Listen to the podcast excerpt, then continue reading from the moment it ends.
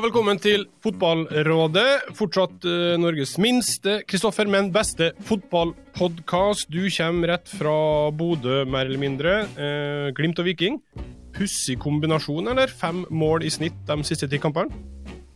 Ja, det er voldsomme målfester. Dessverre så blir det litt for mye uh, inn i egen ende. Men det er vel ikke så mange som har reist opp dit og skåra sju heller. Problemet er at vi har sluppet inn ti.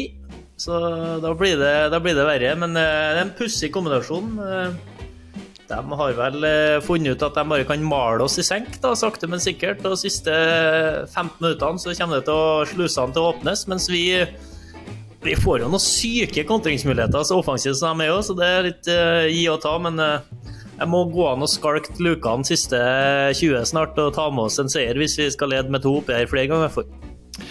Eh, enig. Eh, bra. Velkommen til det. Velkommen til det, Sten eh, Grytebust. Dere har jo også spilt mot eh, Glimt nylig. Det endte i en strålende 0-0-forestilling, så dere har knekt koden.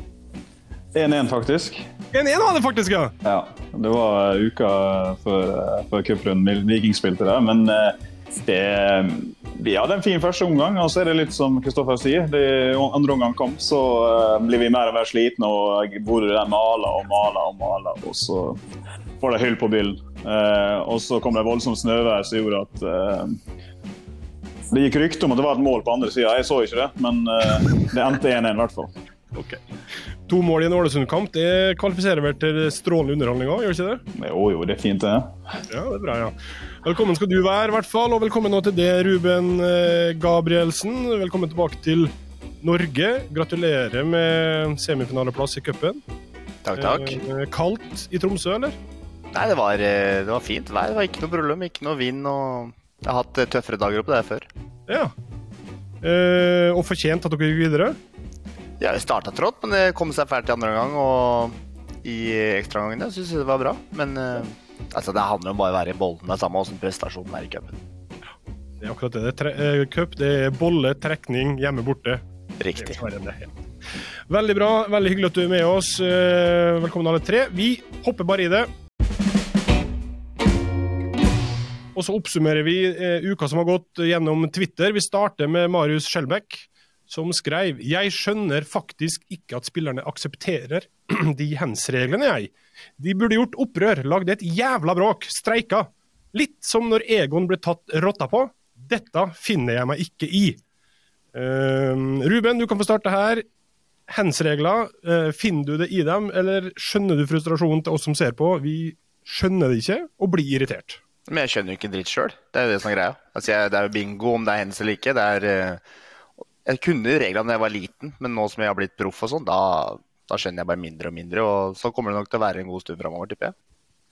Uh, har du uh, sikkert Vi har sikkert snakka litt om det før, Kristoffer, men har du knekt hands-koden nå?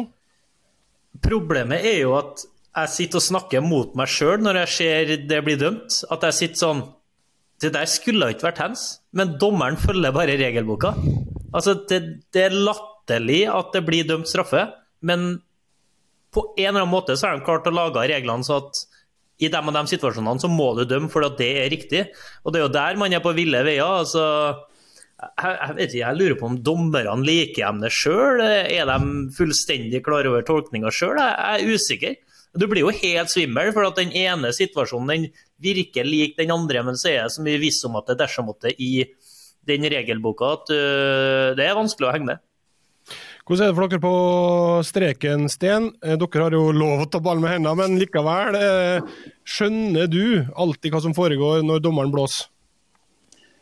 Uh, nei, jeg har det litt som Ruben. Uh, før så var det hvis du hensa ballen med vilje, så var det Og så føler jeg liksom at uh, jeg hører hvert år at uh, dommerne sier at nei, det er endring i hands-regelen. For før så måtte du ha den over uh, altså, hvor høyt du hadde armen og alt det der. Så det, det er litt vanskelig for å forstå. Men det, uh, det er helt sikkert uh, regelverk på sin side, i og med at de står på, med VAR-skjermen og, og, ser den om igjen fem til ti ganger. Liksom. Så, um, så dommerne har jo sikkert det er en god sak, men jeg har også litt inntrykk av at jeg tror ikke dommeren er helt enig sjøl heller.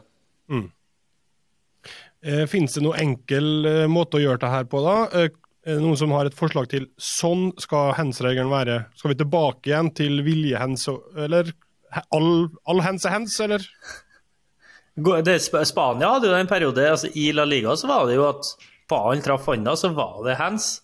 Men det, det syns jeg blir, det blir for kaos igjen, for da er du tilbake til at du kan slå innleggene mot armer. Mm. Jeg, jeg, føler at det, det, med intensjon må tydeligere inn i bildet.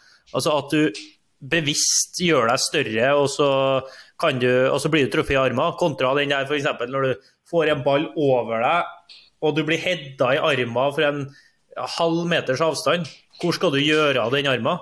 Så gjør det enklere med at du, du går på intensjon. God gammeldags viljehens er hens, og tilfeldigheter det er ikke hens. Er du en av dem som øh, legger hendene bak på ryggen, Ruben? Nei, absolutt ikke. Jeg vil bare ha regler som jeg forstår. Jeg. For nå er det sånn Hvis sola står til øst, og vinden blåser andre veien, da blir det hens. Men hvis månen står høyest, da, da er det ikke hens. Og hvis jeg holder på sånn, så begynner jeg å slite mer og mer. Ja. Og det, jeg vil bare Viljehens høres for meg glitrende ut. Altså, vi, vi, vi tar den der. Vekk fra astronomi! Riktig. Og fotball. Ja, topp. Nei, men da eh, fikk vi løst den. Bra. Eh, vi hopper videre til en eh, tweet fra Morten Langli, som da tar utgangspunkt i ishockey og returspill. Eh, for det er jo et spill der det er tette nærkamper hele tida, retur fra keeper, vant det osv. osv. Og så eh, er han veldig opptatt av det Ole Martin Norsk skriver om spisser som scorer på retur. For Ole Martin Norsk blir oppriktig varm om hjertet når jeg ser at det blir scora på retur. Det å dukke opp på rett sted til rett tid uh, med masse folk i boksen, er en egenskap som er svært undervurdert. Kristoffer, er du enig i det? At det er en egenskap man har på en måte glemt litt? Det er absolutt en egenskap. Uh, man ser uh, Det kom vel den tweeten etter at Haaland skåra ja, flere av sine åtte da, i løpet av forrige uke. Og folks enkelte sier at det er jo bare tap-ins. det er jo bare, ja, Men hvorfor er ingen andre der, da? Hvorfor er alltid han der? sant? Han vet hvor ballen kan havne hen etterpå. Uh, og er alltid på vei dit. da. Og så kan det hende at keeperen slår returen en annen plass, eller at den havner i føttene på han, og da setter han den som regel. Så jeg irriterer meg ofte over at jeg er en, en keeper som får et tøft skudd da, via noen, blir berga av forsvarsspilleren som er på rett plass og rett tid, istedenfor at du har den angrepsspilleren som er på vei inn i den situasjonen i det skuddet går. Så det absolutt en egenskap, og det er kun de fremste, fremste målskårerne som har den. Dette er en egenskap for dere og Ruben, å eh, forutse returer hvor du skal posisjonere det på et vis, eller? Ja, det er jo det, men det er jo vanskelig. Altså, vi er jo altså, Vi spiller Eliteserien, og Haaland spiller i City. Altså, han på det skuddet til De Bruyne som går i tverra, så står jeg og ser på ballen. sant? Hvor havner det her? Det er jo, jeg ser på kunst. Men han lukker øya og beinet mot mål, og det er som sier, det er en egenskap. Det er ikke mange som tenker sånn, og heldigvis har jeg ikke møtt mange av dem. fordi da er det mye retur som går i kassa. Så det er mye er, mål på retur. Men er det sånn at du kan ta det sjøl i å bli stående og se på, uh, og ikke agere når det er et skudd fra distanse eller noe sånt, eller? Ja, i hvert fall på frispark, f.eks. Mm. Over muren, og så skal du liksom og så går den i tverra, og så begynner du å løpe etter. Vi, altså, vi reagerer istedenfor å agere, de flesteparten av oss. Så jeg tror, jeg tror, det er mange, mange mål som kunne blitt mål, og mange mål som kunne blitt redda. Hvis du er i forkant der. Men det er dritvanskelig. Altså. Du vil se på kunst, du, som alle andre.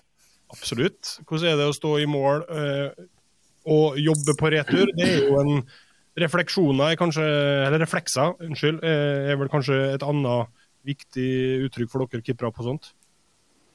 Ja, altså, altså det, det, kommer returer innimellom, og det er klart man vil ha så mye hjelp som mulig. Uh, og Det er jo som en corner. Du skal markere en mann, eller hva det er. Så, blir du, så følger du med på ballen, og så plutselig glemmer du liksom den som fyker bak ryggen eller stikker av. Det er litt sånn samme prinsippet på en retur. Uh, så er det et frispark som treffer tverrliggeren, så står du liksom følger litt med. Så plutselig så er så er det bare altså, angriperen og hvem det er som overputter han inn mens vi står og kikker på ball. Og det, altså, jeg er enig med Kristoffer, det, det, er en egenskap. Altså, det er ikke tilfeldig. og Ofte er det, er det de samme spillerne som går opp igjen og opp igjen som, som er det. Det er jo gode, gamle Pippo Insagi som dukker opp.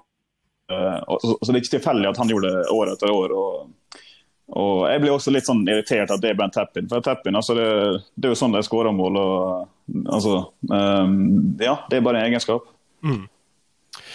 OK, vi tar en siste en fra Trondheim. Eh, den handler om noe så kjedelig som RBK-budsjettet. Men eh, en kjent eh, Rosenborg-supporter, Megafonmann, skriver på Twitter Rosenborg sitt budsjett planlegges med minst andreplass i serien. Og så hekter den på seks, sju, åtte, ni smileys som tyder på en latterliggjøring av egen klubbs budsjettering.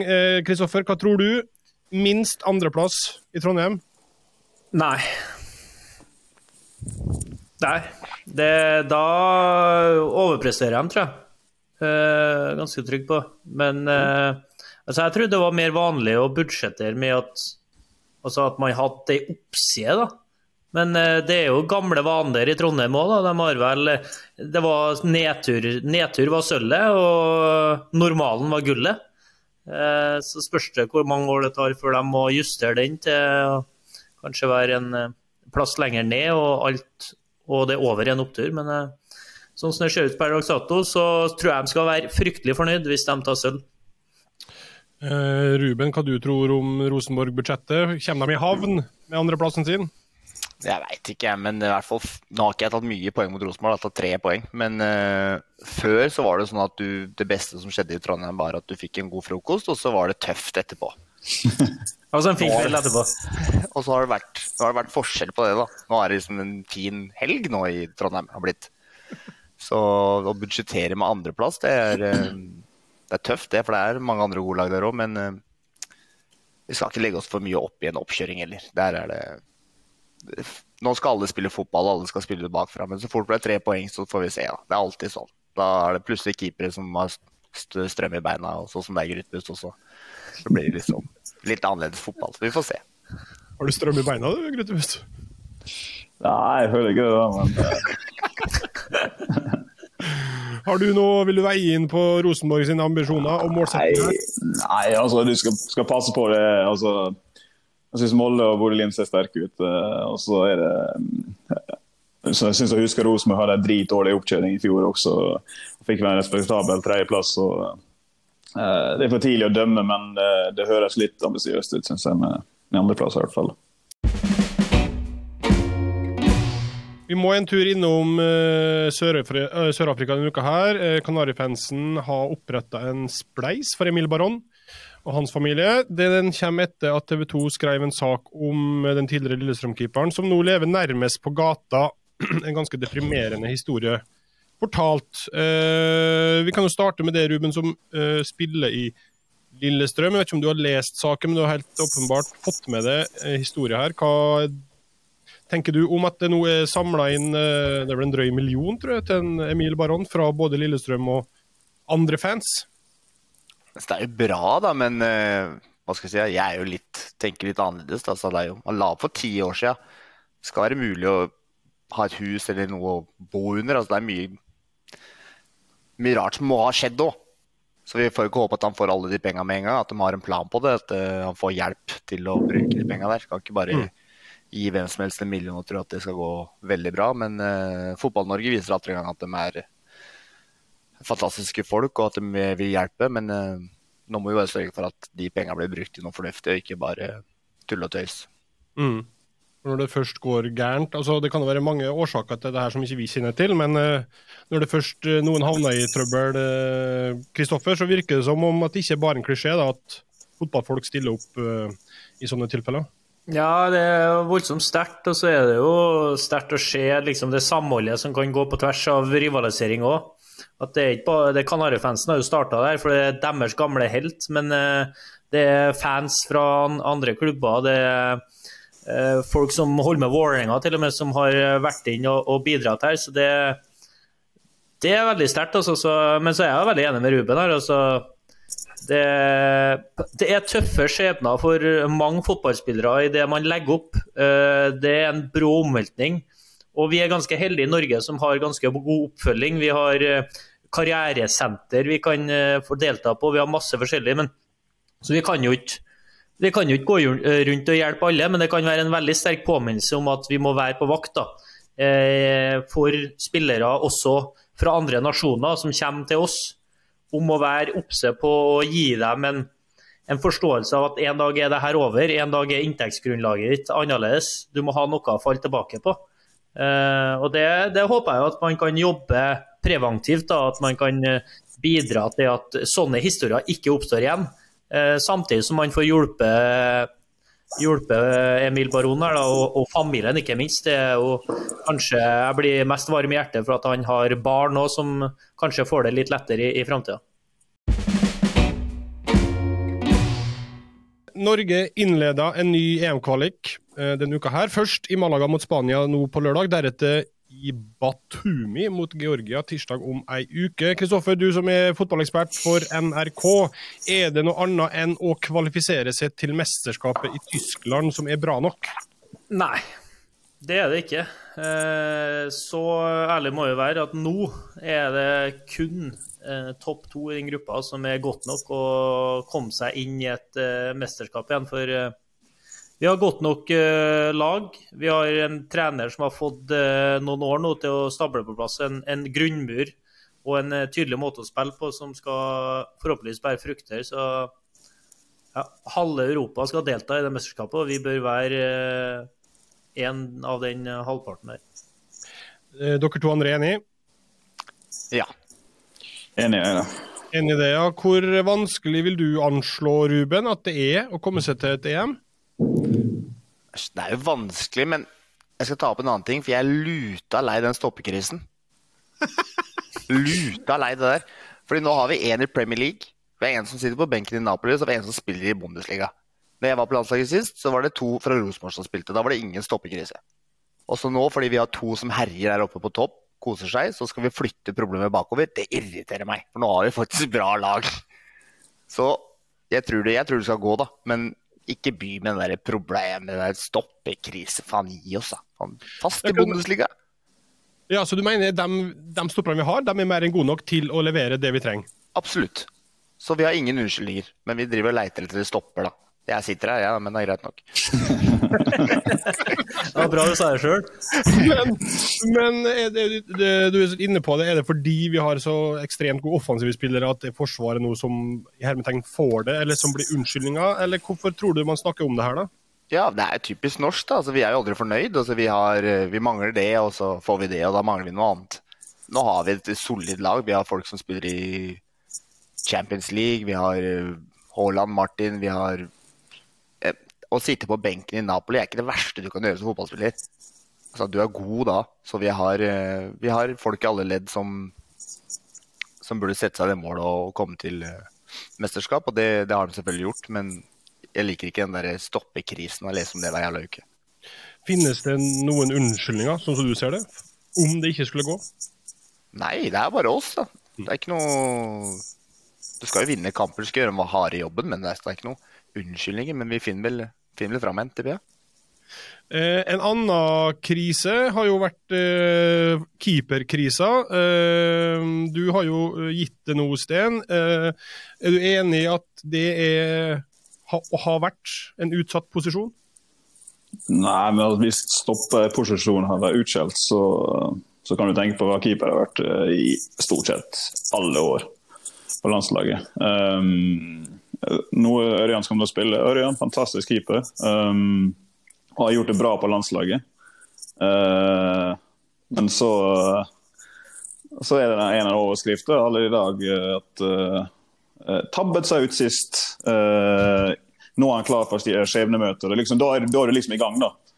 Uh, da, da, da, leter de etter noe. Uh, fordi at, ja, kanskje kunne gjort det bedre på ene målet for, i, i, en av de siste kampene i Nations League. Så er kanskje en av de beste mot Serbia-kampen etter.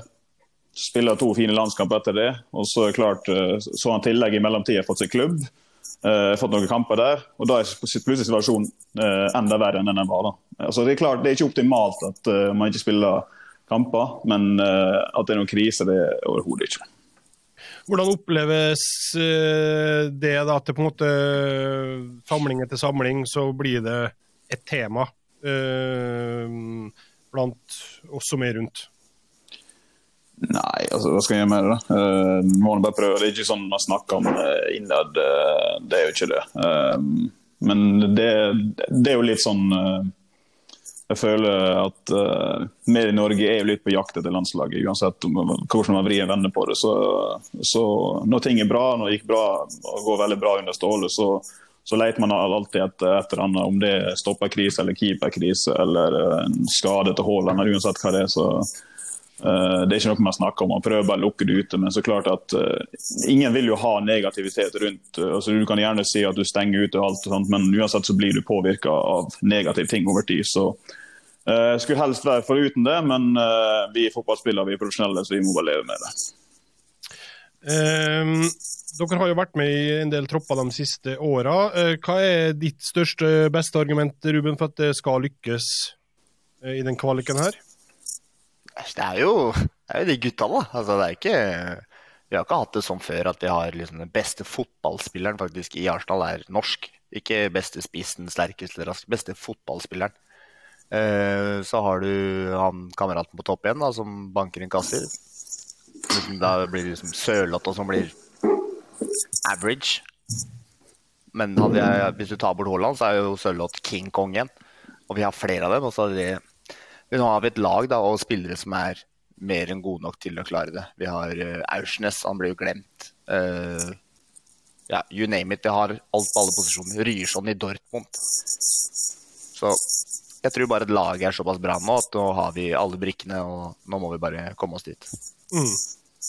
Um, hva er ditt uh, inntrykk, Kristoffer? Hvorfor lykkes det nå? Er det det samme som de to andre er inne på her, eller er det andre ja, jeg tror jo, hvis vi tenker på Skottland da, som hovedutfordrer til andreplassen Hadde jeg vært skotte, så heller ville jeg hatt altså bytta tropp.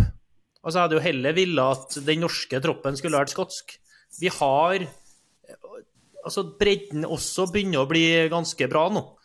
Til å kunne Hvis for eksempel, Nå er jo Haaland skada. Bekrefta i dag at Haaland reiser hjem. Det er fortsatt Sørloth på topp, som spiller jevnt trutt på et høyt nivå i La Liga. Du har Strand Larsen bak der, som også er veldig på gang, og kan være den innbytteren da, siste mm. halvtime når du trenger det som mest. Så du har flere strenger å spille på. Eh, også på midtbanen så syns jeg det ser mer solid ut enn noen gang. Forhåpentligvis så klarer man i løpet av kvaliken også å sette Ødegård i flere like situasjoner, sånn som han havner i Arsenal. Eh, med gode bevegelser foran seg, så at han kan få bruke den kreative kraften sin i større del. Eh, F.eks. når man møter de svakere lagene på, på hjemmebane og de eh, kampene man skal vinne. Men jeg, jeg, mener at det norske landslaget i den pulla der, det er det nest beste laget bak Spania.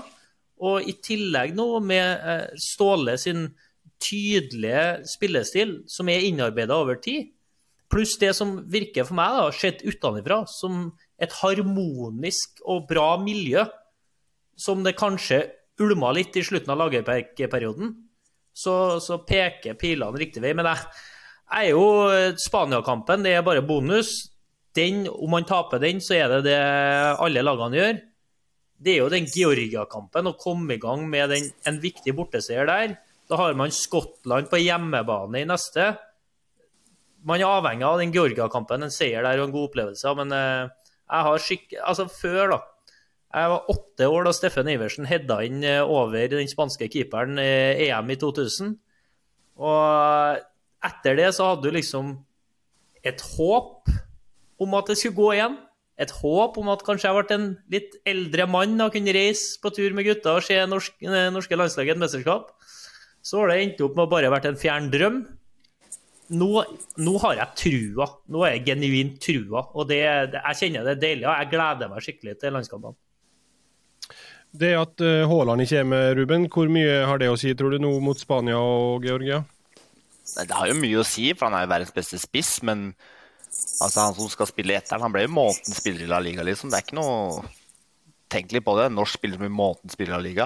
Og så har du han andre kameraten, eh, Jørgen Strand Larsen igjen. så det er jo trist at han ikke er med, men eh, det er ganske solide fotballspillere som kommer etter der òg, så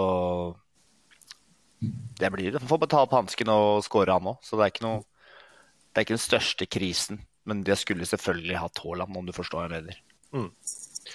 Eh, bare for å avslutte med litt om Ståle Solbakken. da. Du begge har vel eh, hatt han som trener. Du har, kjenner kanskje best og fra FCK, for du var der en stund, eller ganske god stund, Sten. Hvordan syns du han er Er det noen forskjell på han nå, på landslaget, som trener enn som klubbtrener? Er det noe annet? Er det veldig store forskjeller på treninga? Ruben smiler jo lurt her, men er det noe store forskjeller her, eller hva? Hva vil du si? Eh, ja, det er litt, det er litt, for, det er litt forskjeller. Ja, okay. Um, men det tror jeg er fordi uh, Jeg tror bare det er forskjell på hverdagen til Ståle. fordi altså, Det var en spesiell rolle han hadde i klubben, eh, med at han var manager, altså han var sportsdirektør og han var, han var trener. Så når treninga er ferdig, så er det rett opp på kontoret, så er du sportssjef, og så skal du forhandle kontrakt, og så forhandler du spillerovergang og alt det. Så det var sånn altoppslutende jobb. så mens nå er han eh, involvert i ja, fire-fem samlinger i løpet av et år, og ellers er det veldig lite. Så det er klart at han får, ikke- han får ikke sett spillerne så mye som han har gjort. og det er klart at uh, Da er det viktig de gangene man, uh, man, uh, at han ser spillerne, at han tar godt vare på dem. Mens i klubben så, så kan det være litt hardere med spillerne. Så det er jo forskjell, men samtidig ikke forskjell på, på den taktiske biten. Da er det akkurat sånn som, sånn som det har vært. og det er også det som gjør meg litt sånn fortrøstningsfull i forhold til mesterskap. det er at uh, Vi har en sånn tydelig måte å spille, spille på under Stål, og spesielt defensivt. um, med fantastisk eh, godt soneforsvarsspill, som veldig mange lag ikke er vant til. Som gjør at for landslaget så slipper vi slipper inn veldig få mål og slipper veldig få sjanser. Når du gjør det, så nå har vi et godt lag, men du har egentlig ikke de beste spillerne til å spille sånt. Hvis du har et innarbeidet system og alle er gode til det, så kan eh, flere spillere håndtere det. Samtidig, da, hvis du har en del offensive krydder, sånn som du har med spillere som alle nevner her, så, så jeg tror jeg på det her blir veldig bra. Eh, men som sagt, eh, det er jo litt forskjeller på Ståle, men fotballmessig taktiske, det, det, det kjenner jeg igjen. Han skjelte det hardere ut på klubblaget enn på landslaget, er det du sier? Det kan vi vel bekrefte. Men jeg trodde ikke Hvorfor, hvorfor smilte du så lurt, Ruben? Nei, Jeg tror jeg vet hvorfor han smilte lurt. Ja, Han har hørt historie. OK. Jeg vil gjerne høre historie. Ja, jeg kan ta, gjerne- vi kan ta det en annen gang. Nei! Jeg husker ingen, jeg husker ingen Fotballrådet på historie. breaking news. Nei, nei, nei, nei. Ikke nå. Ikke skal vi ha ro rundt landslaget nå. Og så tar Vi vi skal ro rundt landslaget, vi skal til mesterskap. Ok. Så går så, Eh, historien går såpass hardt utover Ståle? Nei, jeg vet ikke. Det er en syk, syk mann. Han er klin gæren. Det er det jeg. Det får holde. Ja. Eh, men jeg trodde ikke, apropos det med forsvarsspill, eh, jeg trodde ikke midtstoppere kunne spille sonespill lenger. Jeg trodde det var bare trebackslinja, og at eh, man også må Ja, Ruben? Jeg er luta lei tre bak sjøl, så jeg er helt enig med deg. Jeg syns det er pissekjedelig. Du står jo bare i midten der. Sånn. Triller bare til sida, altså. Får ikke gjort en dritt. Det er en ansvarsfraskrivelse av verden. Men eh, nei, Hans Ståle er eh, veldig flink på akkurat det der, da. Han har eh, kanskje den tydeligste treneren jeg har hatt når det kommer til det der, og kan lære det bort på en helt unik måte, men eh, ja, det kommer nok til å passe oss veldig bra. Ja. Eh, til slutt bare, hvordan er hierarkiet i landslagsgarderoben? Jeg vil anta at i alle garderober er det et hierarki. Hvem bestemmer? Hvem sin stemme veier tyngest? Tyngst, heter det. Ja. Uten treneren, selvfølgelig. Se bort fra treneren. Nei, altså Martin han, han så, sier kanskje ikke veldig veldig mye, men eh, når han åpner munnen, så, så lytter alle veldig på den siden. Mm. Uh, Stefan også tar jo bra plass der, så, så du, har, du har en gruppe med noen. og så som sagt, det er jo alltid hierarki i garderobe, men uh, skiller seg kanskje litt ut, de to. Ja. Hva sier du, Ruben? Ja og nei, da. Så det er jo, så hva faen skal jeg si til Martin da, hvis han sier 'spill ball til venstre'? Han vet sikkert det litt bedre enn meg, på en måte, så han har jo der han vinner. da. Sammen med Haaland. Hvis han sier 'slå ballen i bakrom', sier han nei, det er rom i mellomrommet. Så Hold kjeft, jeg scorer mål. Så, Slå den hit.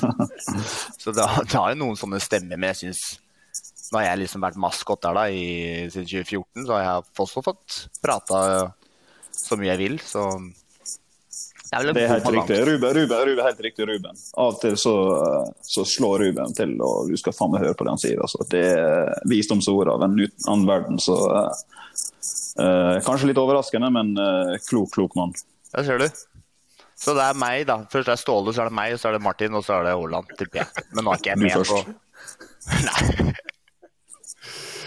Eh, OK, vi får se hvordan det går mot eh, Spania. Det blir spennende. Det er kanskje Georgia-kampen som er den aller eh, viktigste av dem to. Men eh, det hadde vært greit med en god start i Spania òg. Eh,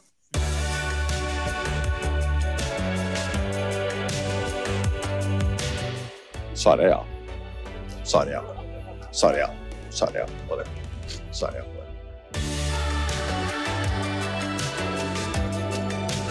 Ja. Svaret ja. Sarja. Sarja. Sarja. Svaret ja. Svaret ja på det. vi tar uh, lytterspørsmål. Kan vi ta det nå? Uh, og vi starter med uh, et innsendt spørsmål fra en som har lyst til å være anonym. Han spør hvilken spiller i Eliteserien hadde hatt flest eh, størst oppmøte i sin begravelse. Her må man vel kombinere en slags popularitetsfaktor, øh, hva, altså ulike variabler som kommer inn i bildet her. Eh, jeg vet ikke om det holder å være den beste spilleren, eller den ja, Hva tenker du, Kristoffer, umiddelbart? Det Du bør jo kanskje ha vært litt rundt òg. Så du har vært i forskjellige garderober og satt litt spor etter deg i, i forskjellige miljø. Eh, Så, så jeg er litt usikker der, altså, men det er den der typen som bare en skikkelig varm og god lagkamerat. Det trenger ikke å være, ha vært den beste, fremste spilleren, bare den som ah, Er han gått bort, ja? Mm. jeg må dit, altså dit må jeg få, Han har satt litt eh, spor i meg, da. Eh, nå kan ikke jeg komme på noe. Altså, type eh, Rolf Vikstøl, da. Bare sånn En mann du blir så glad i. Røde Rolf? Jeg lover at hele, hele garderoben vår hadde pila ned til Sørlandet. Bank i Men bordet. ikke, og utenfor Ja, ikke våres. Vi hadde ikke kommet i Ruffe sin eh, begravelse. Nei, selvfølgelig ikke. Han er jo ikke en folkets mann. Jeg vil si, Nå har ikke jeg spilt med Helland, men jeg var jo trent. Altså, der er det jo som har gitt mye til Norge. Jeg har vært morsom på TV-en. Eh, vært i flere garderober. Alle vet at det er en moroklubb. Så- Vegard Forhen. Oi! Ruben Yttergård Jensen. Yttergård Jensen, der har du faktisk et, eh, en bra Ja. Eh, bra shout. Altså. OK. Vi ender noe overraskende på Ruben Utegård Jensen. Ja, men det var også fordi at Ruben bytta fra Pål da, til Vegard Forhen. Jeg var mer på Pål som ord enn Ah, jeg ble ivrig, vet du. Ble ivrig. Fort la rive med i begravelsesspørsmål. Uh, OK, Ruben Utegård Jensen der. Thomas Nergård spør, det kan du svare på, uh, Ruben. Er hatet mot Molde berettiget? Jeg har ikke sagt at jeg hater Molde. Nei, ikke du, men altså folk, folk, folket, fansen, alle andre. Det er jo, altså, er det én klubb i Norge folk misliker, så er det jo Molde. Hvis ikke du gjør det. Eh, Er det og er det greit, eller liksom, er det med grunn? ja, det er fotballhat. Man må få lov til det. Men det er jo mer enn det som ligger til grunn her. er, det er, du hater jo ikke alle fra Molde. Nei da. Det er jo Det jeg mener, det er fotballhat. Sånn som når eh, hvem var som skreik eh, sang eh, 'Hate Molde by'. Det var jo ingen av spillerne som brydde seg om det. Det er fotballhat. Jeg syns all fotballhat, jeg. Jeg hater alle. I fotball. Viking, Ålesund, Odd. Ikke minst Odd. Hater Odd. Fotballhat. Er du den eneste som hater Odd? Vet du, jeg hater Molde by òg. Fotballhat. Fotballhat. det er vel, ja, det er vel, det er vel grunn av økonomien, da, men um, og at du vinner. Men hvis du vinner mye, så blir du hata. Sånn er det Ja. bare. Ja. Uh, så jeg syns det. Du skal alltid ta ut de som er på toppen, så det syns jeg er ryddig og fint. Ja. Ja, det er ryddig. Bra. Eh, på portebane spør eh, Sten får dere lønn, honorar for å spille landskamp og eller være i troppen. Eh, ja, det gjør vi. Ja. Uh, tror det er en sånn der Jeg må ikke si noe feil nå, men en sånn pott. Spillepott for å spille Polen med en sum i hvert år, og så fordeles det vel etter sånn som du har vært med i troppene. Ja. Så det er ikke du- på mandag etter siste samling, så det er ikke, kommer det ikke en overføring på konto. Det er liksom en gang i året eller en gang i Ja. Riktig. OK. Eh, Vi hadde en eh, som for på landslagssamling til Slovenia nå. Han var rimelig Det var en fin tur, sa han. Fordi at de, bo- de seiersbonusene de var like stort sett uansett hvem du møtte. Og de møter San Marino. Jeg vet at dansken, eh, danske landslaget, så vet jeg at uh, de håper jo alltid det kommer mye folk på, på hjemmekampene. For de får jo sånn en krone per tilskuer eller noe sånt. Så eh, ja, det er litt forskjellig. Ja. Og det er plass til mange i parken.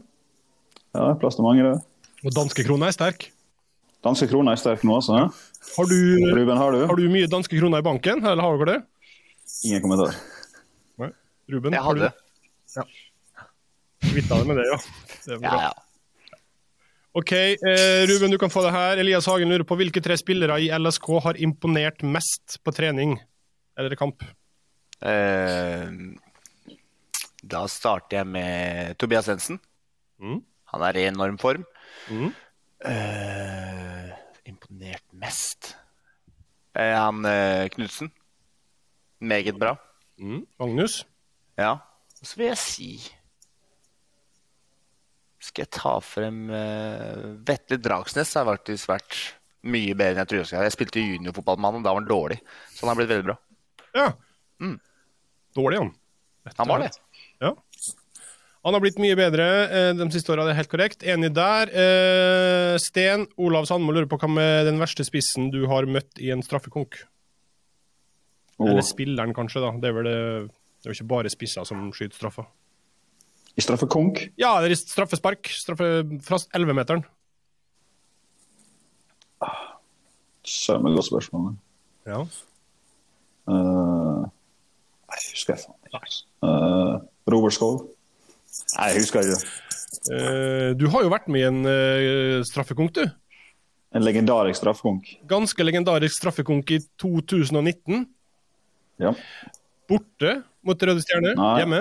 Hjemme. hjemme. Uh, tror det ble skutt Altså, Det ble skutt enda flere straffer enn denne kampen nå mot Molde-Stabæk. Kanskje to straffer mer. Mm -hmm.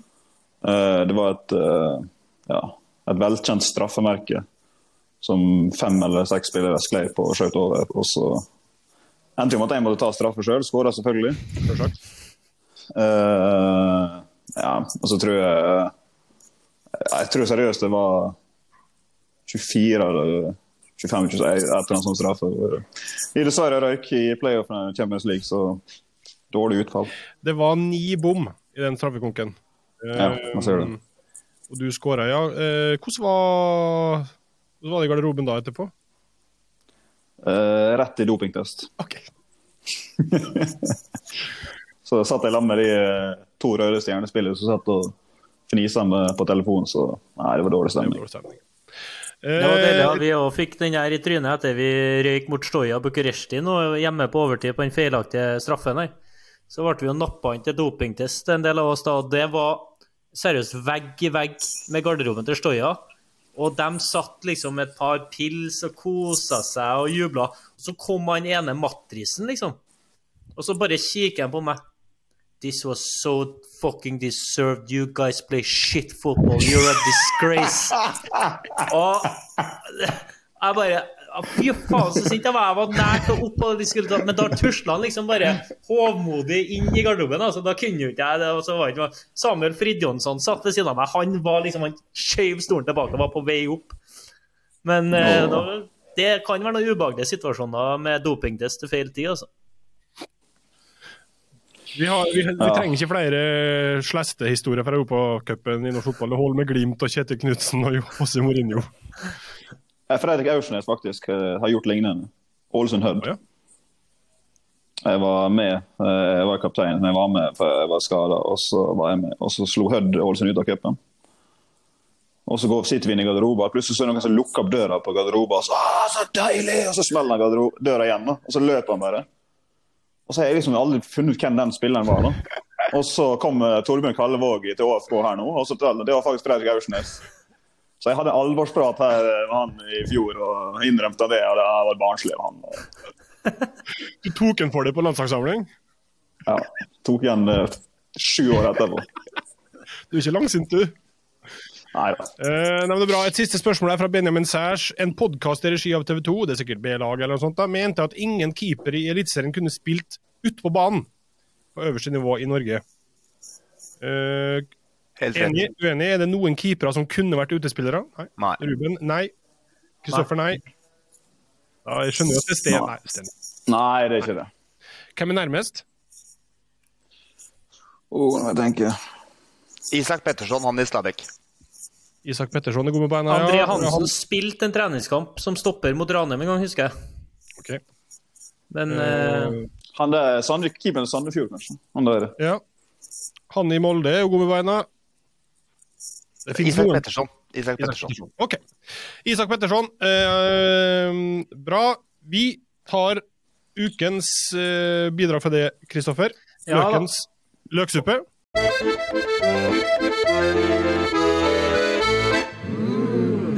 Riktig, og i dag så må det faktisk sendes en hyllest. En hyllest til en eh, fantastisk mann som Altså, jeg har aldri blitt glad for når jeg har sett en spiller signere for en annen klubb. Men at Start endelig tok til vettet og signerte Rolf Daniel Vikstøl Gi den mannen sin velfortjente retur til Start. Det er så det, ah, Jeg ble varm. Og det som er ekstra viktig her, er jo at sånne mennesker er jo en utdøende rase i fotballen. Også fordi at klubbene ikke setter pris på de eldre sliterne som kanskje ikke Det er ikke noe profit å tjene på Rolf. Altså, Du kan ikke investere i han og selge han videre, men det er en type som du bygger et lag rundt. Det kan ikke alltid være sånn at nei, vi skal hente han på 22 for 5 millioner, for vi skal selge han for 12,5 og vi skal der og der. sant? Du trenger noen typer i et lag, i en garderobe, som du kan bygge dem her rundt. da. Så endelig tok Start til vettet, signerte Rolf, bedre sent enn aldri, og jeg tipper de lærer lære seg. Om tre-fire måneder så blir den ettårskontrakten forlenga med i hvert fall ett år til, og kanskje et år til etterpå der òg. Så Rolf, min gamle romkamerat, det åh, jeg unner her. Og nå skal jeg faktisk inn og sette noen kroner på startopprykk fra Obos-ligaen. Eh, det har jo blitt veldig mange eh, veldig viktig nå å liksom ha så voldsomme lanseringsvideoer når du signerer en spiller. Det er droneopptak og dramatisk musikk og det er vikingøksa og alt mulig rart. Eh, da Rolf Daniel Vikstøl ble presentert, så var det jo ikke i nærheten av det. Det var bare panorering i kamera til Rolf, endelig tilbake. Det var alt. Ja, det, passer, det er perfekt. Det er akkurat det Rolf kunne tenke seg. Eller det var maksimalt av det Rolf ville stille opp på. Gjorde klart for dilemma. For en kattepine. En gordisk knute. Den må jeg tenke på. Fotballrådets bra eller dritt? Det er da dilemmaspalta vår. Kristoffer, Kristoffer, du får første. Glimt har solgt og så henta hjem igjen Lode, Berg og Bjørka. Nå kommer haiken òg, mest sannsynlig. Bra eller drit? Bra for dem, drit for oss. Bra for serien? De blir jo jaggu svekka. Det blir ikke de. Så Nei, vi er inne på drit. Drit, drit der, ja. Sten, eh, rød fotball. Bra eller drit? Drit. Hvorfor er det drit? Nei, eh, altså eh, Hvite fotballer de er gode. Altså, de sier at eh, de røde fotballene som de skal spille med hvis det blir snø, at det er det samme, men det tror ikke jeg på. Jeg tror ikke på det! Nei. Ballen er annerledes. Men det er glatt, og den, det, er, det er litt som bensinstasjonen, det føles altså. Så eh, i den kampen mot Glimt, da, der det begynte å snø, så vil du ha hvit ball. Gul, da. Gul, ja. OK. Ja. Eh, vi møttes på halvveien der. Eh, ingen som eh, Ingen røde ballforkjempere her i dette studio. Nei. Ruben, sonemarkering på hjørnespark. Bra eller drit? Helt OK. Midt på. Bra. Bra, ja. Ja, bra. Like å markere i sone. Ja, det, det er jo ansvarsfraskrivelse. Det er egentlig greit. Deilig, da. Ja, ja, du kan ikke skylde på noen. Nei, det er min sone. Ingen som sier det. Din sone, min sone. Når det er mann-mann, så veit du veldig godt når du har mista mannen din og det er scoring. Du tenker helvete. Hvem er det sin? Ja, det er min, ja. Det er min. Sone kan du alltid diskutere. Så bra. Bra, eh, Kristoffer. Da Haaland nå reiste hjem, var Brann kjapt ute på tweeten og skrev greit om vi får rask eh, beskjed fra Ståle for Bård Finne. Har planer med en langhelg i København. Bra eller drit tweet? Det er bra. Det, altså, du skal bygge ditt lag og dine spillere opp og frem, så med fint glimt i øyet. Så nei, den, den får bra. Den får bra, ja. Eh, Den siste til det, Sten. Eh, Kanskje litt kjedelig og kanskje litt opplagt eh, for det, men København som by. Bra eller drit? Bra. Veldig, veldig bra. Og hvorfor er København så bra? For det er vi jo alle enig i. Det er vi alle enige i. Eh, Billig pils? Nei. Uh, ja, ikke hvis du er fra Norge. Da er det ikke billig. Jævlig dyr pils, faktisk. Um, nei, jeg syns den har alt. Uh, spesielt på sommeren så har den alt. Um, alt mat. Uh, du har faktisk strand der på sommeren. Eh, uteliv, restauranter. Nei, du har, du har det hele. Det, det er altså Du suger bare inn den stemninga og den livskvaliteten som er der. Så um, Nei, kun bra. Har du noe leilighet der, eller har du noe, fortsatt noe tilhold der? Eh, akkurat nå eh, så har jeg ikke leilighet der lenger. Eh, så ingen, eh, ingen connection nå i, i, i København. OK. Eh, den siste til deg, Ruben. Eh, presseoppgaver i forbindelse med landslagssamling. Det er bra. Du liker det? Det er bra. Ja. Nå må få oss ut og liksom Men du må stille riktige spørsmål. OK. Vi må slutte med de samme gamle spørsmåla som ingen bryr seg om. Mm. Få på noe ordentlig, gjør jobben din og gått på skole i fem år for å bli journalist. Bruk det når du skal stille spørsmål. Tenker er du på noe, noe spesielt, eller noe du Jeg er bare lei det samme. Å, hvorfor tapte dere i dag? Faen, hadde svaret på det, så hadde vi ikke tapt. Faen, grav litt i personligheten min, finn ut av eh, hva jeg gjorde der og da. Kom med noen litt kule ting. Ikke bare det samme gamle greiene, liksom. Bra. Take notes, Vegard. Jeg tar det, jeg tar det til meg. Jeg har ikke Ja. gravd i personligheten din i hele tatt i dag. Der ser du. Og sur og sint er du. Nei, men det er bra. Uh, I helga så skal Ålesund spille mot Molde. Det Ja. gleder du vel til, tenker jeg. Ja, altså, jeg har veldig god erfaring. Treningskamper mot Molde, det har jeg. altså. Ja. De, eh, de vinner vi av og til. Ja. Det er verre når serien kommer i gang. Er det, er det på Color Line, eller er det i Molde? Det er på Color Line. Så da får Molde se den originale garderoben og ankomsten og Eller Riktig. ble det Nei, det ja, Det er litt spesielt. Eh, Det Ja, mener jeg faktisk. ja, ok. Det- Bare for å legge premisset først. Dere Ja. har pussa opp og brukt en del cash på garderobe og gang. ja, men ta tilbake at det er to eller tre år siden. Ja, og så kommer Molde nå og brisker seg med en ny garderobe som ifølge en del på Sunnmøre ser ut som en blåkopi av deres sin, bare i andre farger. Det syns ikke du, eller? Jeg har ingen formening om det nå, jeg spør det. Okay. Bare litt bedre, da, som alt de gjør der oppe kontra Ålesund. Det er bare litt bedre. Men Ja, det, det du rett i. Altså, det eneste som er forskjellen er jo at Molde er jo smart å sette logoen sin i taket. Uh, vi har logoen på gulvet, så vi går jo og tråkker på den hele tida. Så Mm. i disse dager så er ikke det så populært. Men hva, men eh, hva mener du seriøst om det her? Altså, du, du har reagert litt på det, eller? Nei, nei, det har jeg ikke. Uh, det var bare en, en morsom liten case der. Eh, der det var noen som kom og sa at ja, men er ikke det ganske like, og så kom det med to bilder. Og så sa jeg jo, det er noe litt like, men eh, det er jo ikke det samme. Så, så la vi en liten sak ut av det. Det er bare kjekt, det. Det er bare kjekt. Bra. Eh, Hvordan er det for dere to andre? Har dere frihelg, eller? Nei da. Nei? Treningskamp. Treningskamp? Yes. Mot Kristiansund. Så dere skal ut på reise, ja. Dags, hele dagstur da, fredag. Fly tidlig i morgen. Og så kamp, og så hjem sent fredag. Men eh, altså det skal jobbes med skallen inn mot den kampen. For uh, veldig mange i garderoben. Det skal man innrømme etter to altså du, Rosenborg hjemme forrige helg. Ganske gratis motivasjon. Og så en kvartfinale i cupen oppe i Bodø. Uh, og så det å skru om da, til en trenings... Ja, Det er tøft, men uh, vi er profesjonelle. Visstnok, så vi må gjøre det. Det er jobben din. Eh, du Ruben, har du frihelg, eller? Frihelg, ja.